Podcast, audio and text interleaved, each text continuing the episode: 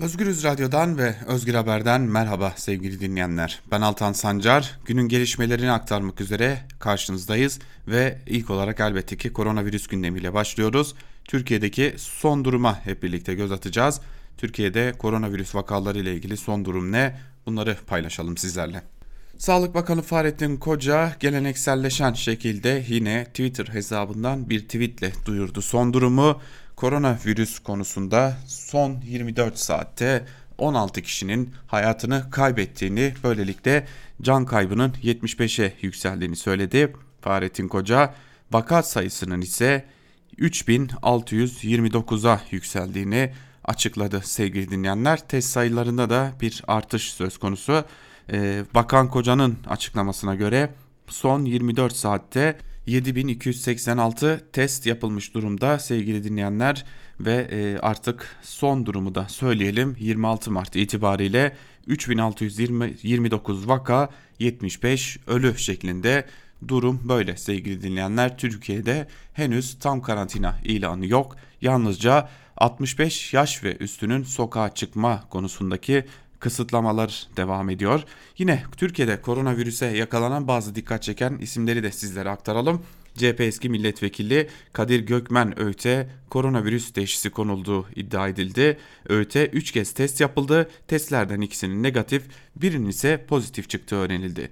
Gazeteci İsmail Saymaz sosyal medya hesabından yaptığı paylaşımda CHP 24. dönem İstanbul Milletvekili Kadir Gökmen Öğüt'e koronavirüs teşhisi konduğunu açıkladı ve iki negatif bir pozitif testin olduğunu açıkladı. Yine CHP Grup Başkan Vekili Özgür Özel de sosyal medya hesabından öğüte koronavirüs teşhisi konulduğunu belirtti. Tabi burada testlerdeki durum çok trajik zira e, testlerin e, birbiriyle tutmayan sonuçlar verdiğini görüyoruz ki bu da Türkiye'deki önemli bir diğer sorun olarak karşımıza çıkıyor.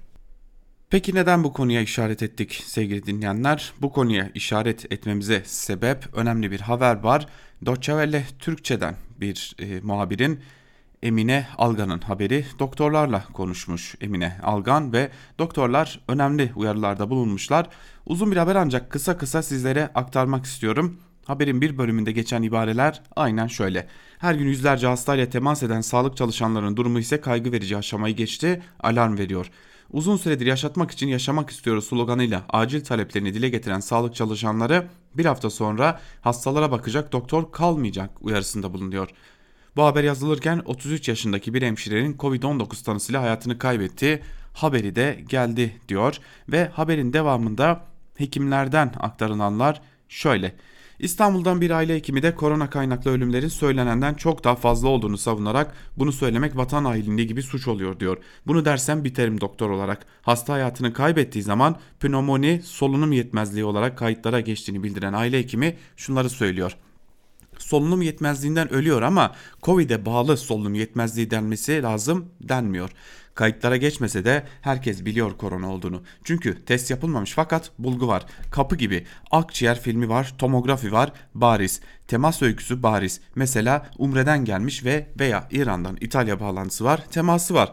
Bazen de test yapılıyor ama sonuç sonuç çıkana kadar hasta ölmüş oluyor. Hızlı kitlere göre daha kesin bulgu veren PCR testinde sonuç çıkması 3-4 günü buluyor. Hasta öldükten sonra test pozitif gelse de ölüm sebebi çoktan yazılmış oluyor. Yine Trakya bölgesinde görev yapan bir acil 112 doktoru 2 hafta öncesine kıyasla vaka sayılarının 10 katına çıktığını ama personel sayısının aynı olduğunu söylerken kaygısını şöyle aktarıyor. Görünen o ki daha da artacak, çok artacak. Alanda karşılaştığımız durum bunu gösteriyor. Evet e, bu haber uzun sevgili dinleyenler tavsiye ederim hepinize doktorların bu feryadını okuyun. Sağlık emekçilerinin bu feryadını okuyun. Bizlere neler söylemek istiyorlar bunlara göz atın. Ancak durum bu sevgili dinleyenler. Test sayısı artıyor ama test sayıları yetişmiyor. Yine testler sonuçlanana kadar hastalar ölüyor ve bu nedenle de ölüm kayıtları başka bir şekilde açılıyor. Bu da önemli bir diğer durum.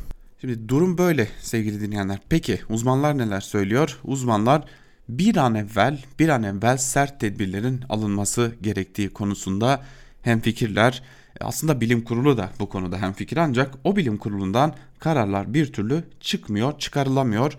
O tartışma zaten apayrı bir şekilde mecrasında yürümeye devam ediyor.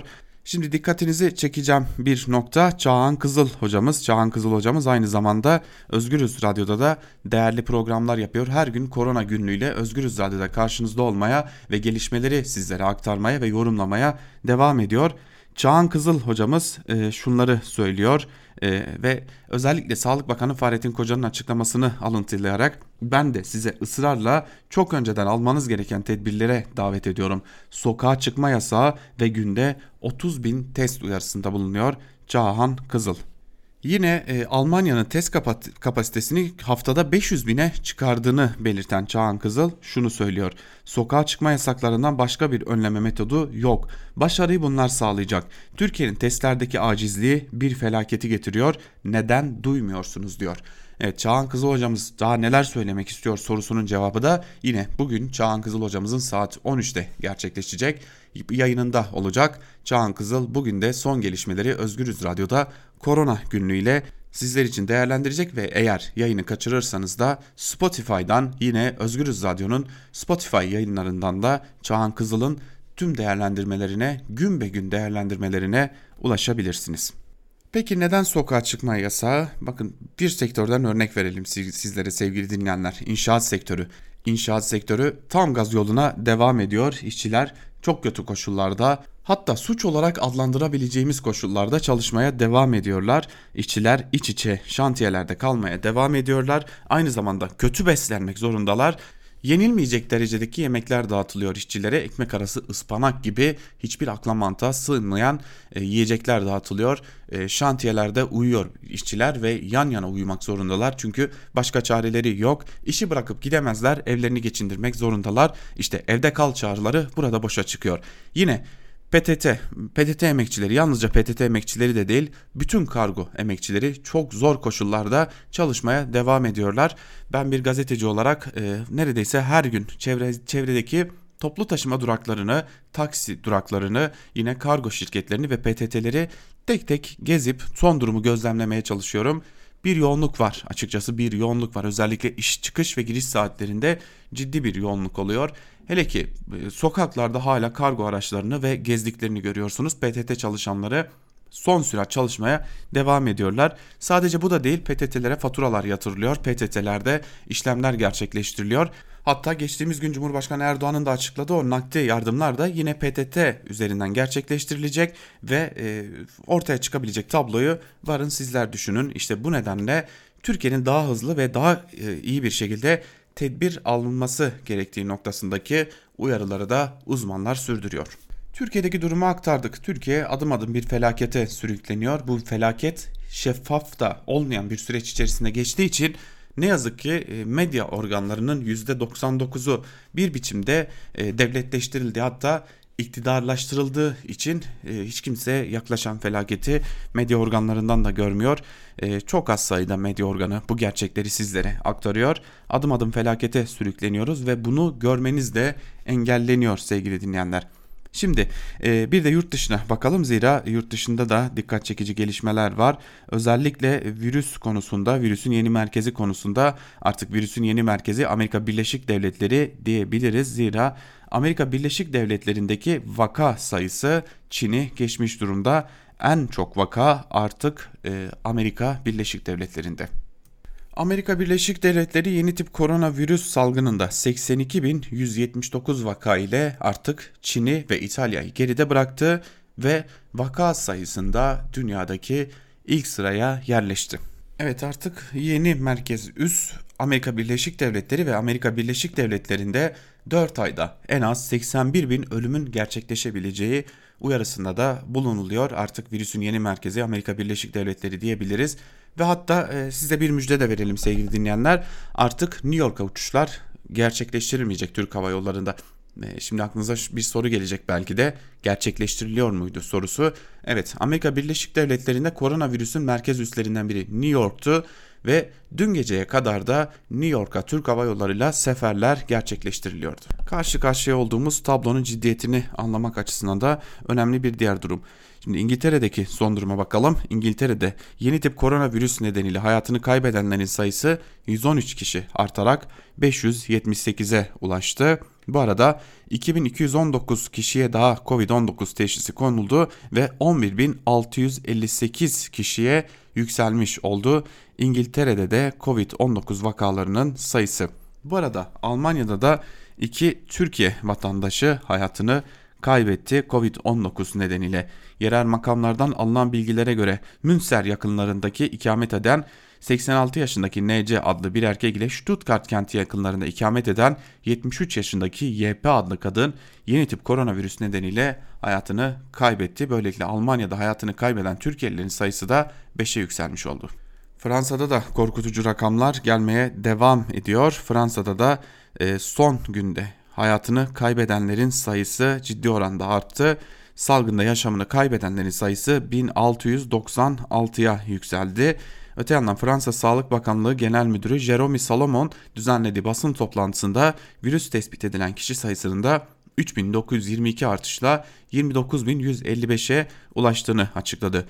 Virüsü taşıyanlar arasında yoğun bakımda tedavi görenlerin sayısı 3375'e çıktığını aktaran Salomon, tedavi olduktan sonra hastalığı atlatan kişi sayısının da 4948'e yükseldiğini belirtti. Bu arada Fransa'da dikkat çeken bir durum ise 16 yaşındaki bir gencin hayatını kaybetmesi oldu. Bu da dikkat çekici bir diğer durumdu. Tabi en ağır tabloyla karşı karşıya olan İtalya'da ise e, açıkçası tablo her geçen dakika ağırlaşmaya devam ediyor ne yazık ki. İtalya'da yeni tip koronavirüs salgınında hayatını kaybedenlerin sayısı 662 kişi artarak 8165 oldu. Hatta İtalya daha sonra 50 kişi daha arttırdı bu sayıyı ve 712 kişiye çıktı. Hayatını kaybedenlerin sayısı böylelikle toplam hayatını kaybedenlerin sayısı da 8215'e yükseldi. Son durumda böyle. Tabi İtalya'da korkunç rakamlar devam ediyor. Şu an itibariyle İtalya'da enfekte olmuş kişi sayısı 80.539 olarak belirlenmiş durumda. Evet sevgili dinleyenler şimdi geçelim bir diğer haberimize. Ee, Covid-19 e, kötü tabloyu paylaştık sizlerle. Ee, mevcut tablo şu an itibariyle böyle. Tabi bu tablo içerisinde dikkat çeken bir haber var. Aman diyelim gözlerden kaçmasın çünkü e, mevcut tablo içerisinde dikkat çeken önemli gelişmeler de olmuyor değil. O gelişme ne mi? Kanal İstanbul sevgili dinleyenler. Kanal İstanbul'la ilgili ilk ihale gerçekleştirildi ve ihale diye 5 şirket teklif verdi. Peki Kanal İstanbul konusunda vazgeçilirse ve Kanal İstanbul'da e, açıkçası neler olmazsa Türkiye neler kazanır sorusuna bir cevap verelim. 8 milyon aileye 1000 TL'lik yardım sağlanabilir. 6.5 milyon kişiye işsizlik yardımı sağlanabilir. 1,5 milyon hemşire istihdam edilebilir, 26 milyon aileye hijyen ve kumanya paketi dağıtılabilir, 80 milyon insana yani bütün bir Türkiye'ye Covid-19 testi yapılabilir, 15 milyon aileye bir aylık fatura yardımı yapılabilir, 400 bin adet mekanik ventilatör sağlanabilir, 55 milyon adet koruyucu giysi temin edilebilir, 1.6 milyar adet 3D siperli maske sağlanabilir, 200 adet de 100 yataklı hastane gerçekleştirilebilir sevgili dinleyenler. Tabi bunların karşısında Ulaştırma Bakanlığı'ndan nasıl bir açıklama geldi onu da aktaralım yorumu size bırakalım. Ulaştırma Bakanlığı şu açıklama yaptı. Türkiye Cumhuriyeti salgın ile mücadele ederken üretim ve yatırımları da yapabilecek güçtedir. Kanal İstanbul projesi ile ilgili çalışmalar da elbette devam etmekte olup bugün proje ihalesi yapılan iki tarihi köprünün taşınması veya yerinde korunması işi de önceden belirlenmiş bir sürecin parçasıdır. Ülkemizin salgınla mücadele ettiği bu dönemde yatırım ve üretimin durdurulmasının istenmesi yapılan bir proje ihalesi üzerinden siyasi fırsatçılık yapmak milletimize koronavirüsten daha çok zarar vermektir. Söylenecek çok söz var sevgili dinleyenler ancak takdiri size bırakalım. Önümüzdeki tablo ne yazık ki bu şekilde ve biz de bu haber ile birlikte Özgürüz Radyo'da Özgür Haber'i şimdilik noktalayalım ve hatırlatalım. Gün içerisinde gelişmeler oldukça karşınızda olmayı sürdüreceğiz. Özgürüz Radyo'dan ayrılmayın. Hoşçakalın.